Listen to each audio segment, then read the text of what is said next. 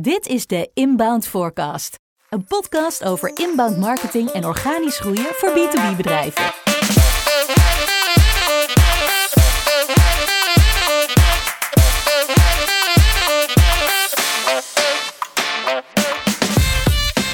Hier is jullie host, Jero Arkus. Hey, welkom bij een nieuwe Brainwaves. Zoals de meeste van jullie uh, die vaker luisteren waarschijnlijk weten, is dat ik uh, het heel leuk vind om met AI-tools te spelen en verschillende dingen te proberen om erachter te komen van wat kan het wel, wat kan het niet. Um, nu had ik deze week een, uh, een leuke use case.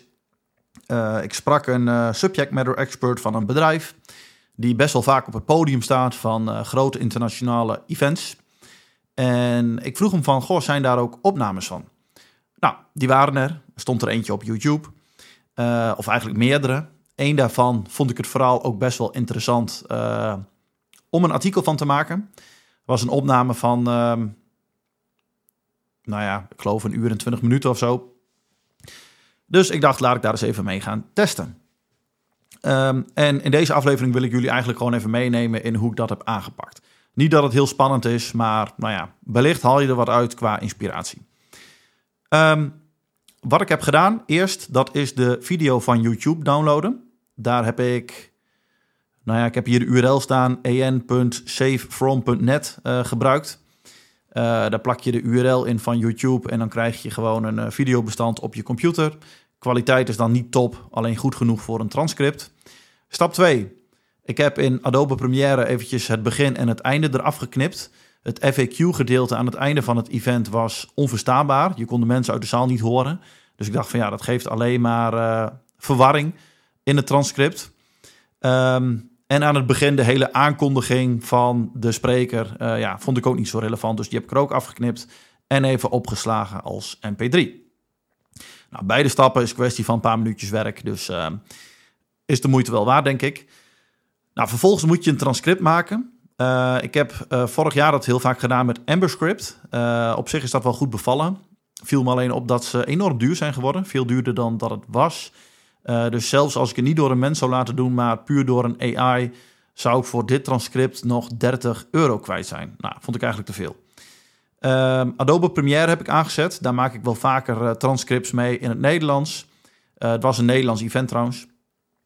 kwaliteit daarvan is redelijk. Maar je moet toch vaak nog best wel wat sleutelen, woordjes vervangen.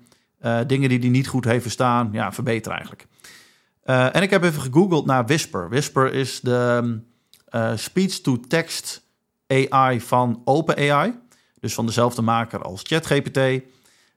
het punt is alleen dat zij bieden een API aan en niet een tool waar je een audiobestandje kan uploaden.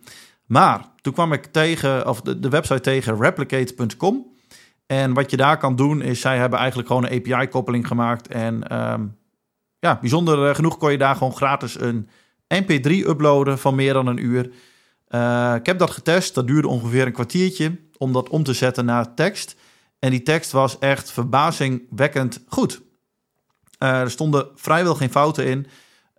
Ook alle Engelse termen die zijn gebruikt um, in deze talk, ja, had hij gewoon goed. Dus ehm, Nederlandse tekst met heel veel Engelse termen. Ja, ik heb eigenlijk weinig fouten erin ontdekt. Dus daar ben ik zeer over te spreken. Um, nou, dan heb je het volgende probleem. ChatGPT die kan niet enorm lange stukken tekst aan. Um, en um, dat is natuurlijk wel een dingetje als je zo'n lang transcript hebt. En ik had eigenlijk ook geen zin om dat in heel veel stukjes te gaan knippen. Dus uh, heb ik Cloud 2 gebruikt. Dat is een uh, model die, volgens mij is het vorige week of de week daarvoor is die uh, uh, gelanceerd. Uh, is best wel een heel goed model. Het zit niet op het niveau van GPT-4, maar toch is het best wel heel goed. Uh, maar het heeft één heel groot voordeel. De input die je kan geven aan het model uh, kan veel langer zijn dan bij ChatGPT. En voordeel 2 is, um, ja weet je, het, het kan ook, maakt niet uit wat voor bestandstype het is. Dus ik heb een TXT-bestandje met een nou ja, heel lang transcript, heb ik daarin geüpload. En ik heb daar het prompt bij gegeven: schrijf een blogartikel op basis van de informatie uit het transcript van deze presentatie. Niet heel spannend. Um, nou ja, de bijlage was dus de TXT. Ik kreeg een artikel van, ik geloof dat het iets van 300 nog wat woorden was. Was een beetje aan de korte kant. Dus toen heb ik een tweede prompt gedaan uh, en gevraagd van maak er ongeveer 700 woorden van. Nou, ehm, toen ik dat deed, kreeg ik iets terug van 510 woorden, geloof ik, of zo. Uh, vervolgens heb ik ehm, met, met 1100, 1200, 1300 woorden geprobeerd, maar eigenlijk langer dan dat werd het niet. Um, dus het was uh, al met al ongeveer een A4'tje. Alleen, ik heb het artikel doorgelezen. Ik heb serieus twee zinnen in de inleiding veranderd. Uh, die vond ik niet goed genoeg. Maar dat had meer met de context te maken wat de AI niet kon weten. Taaltechnisch waren ze wel goed. En eigenlijk het hele verhaal wat eronder stond was gewoon goed. Ik vond het eigenlijk beter dan heel veel artikelen die ik van ChatGPT zie. Met heel veel lange, kromme, complexe zinnen en heel veel dubbele dingen erin. Dat was hier niet het geval. Um, dus daar was ik eigenlijk best wel blij mee.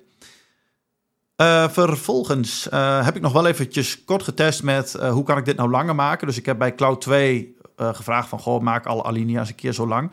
En dit probleem loop ik dan wel vaker met Cloud 2 tegenaan. dan, dan loopt hij vast. Dan geeft hij een error. Dan zegt hij iets van dat je kan wachten op de betaalde nou ja, plannen, zeg maar, die ze gaan uitrollen, maar dat die er nog niet zijn. En dan moet je hem opnieuw starten. Dus het is nog niet heel stabiel. Een beetje wat de gratis versie van ChatGPT in december ook had. Ehm, maar goed, dat zal vast snel worden opgelost.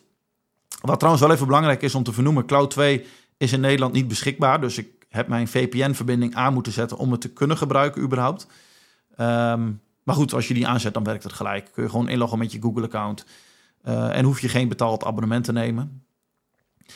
Um, ik heb dus nog wel getest met ChatGPT vragen om de alinea's één voor één wat langer te maken. En dat ging eigenlijk best wel goed. Dan krijg je wel weer het probleem wat ChatGPT vaker heeft met toch wat dingetjes dubbel. En uh, dan moet je dus toch wel weer wat meer gaan editen.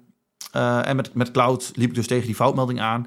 Maar ik had eigenlijk ook zoiets van, ja, ieder artikel hoeft niet drie, vier, vijf A4'tjes te zijn. Soms is het prima en juist wel lekker om gewoon to the point uh, ja, een artikel te hebben van één pagina.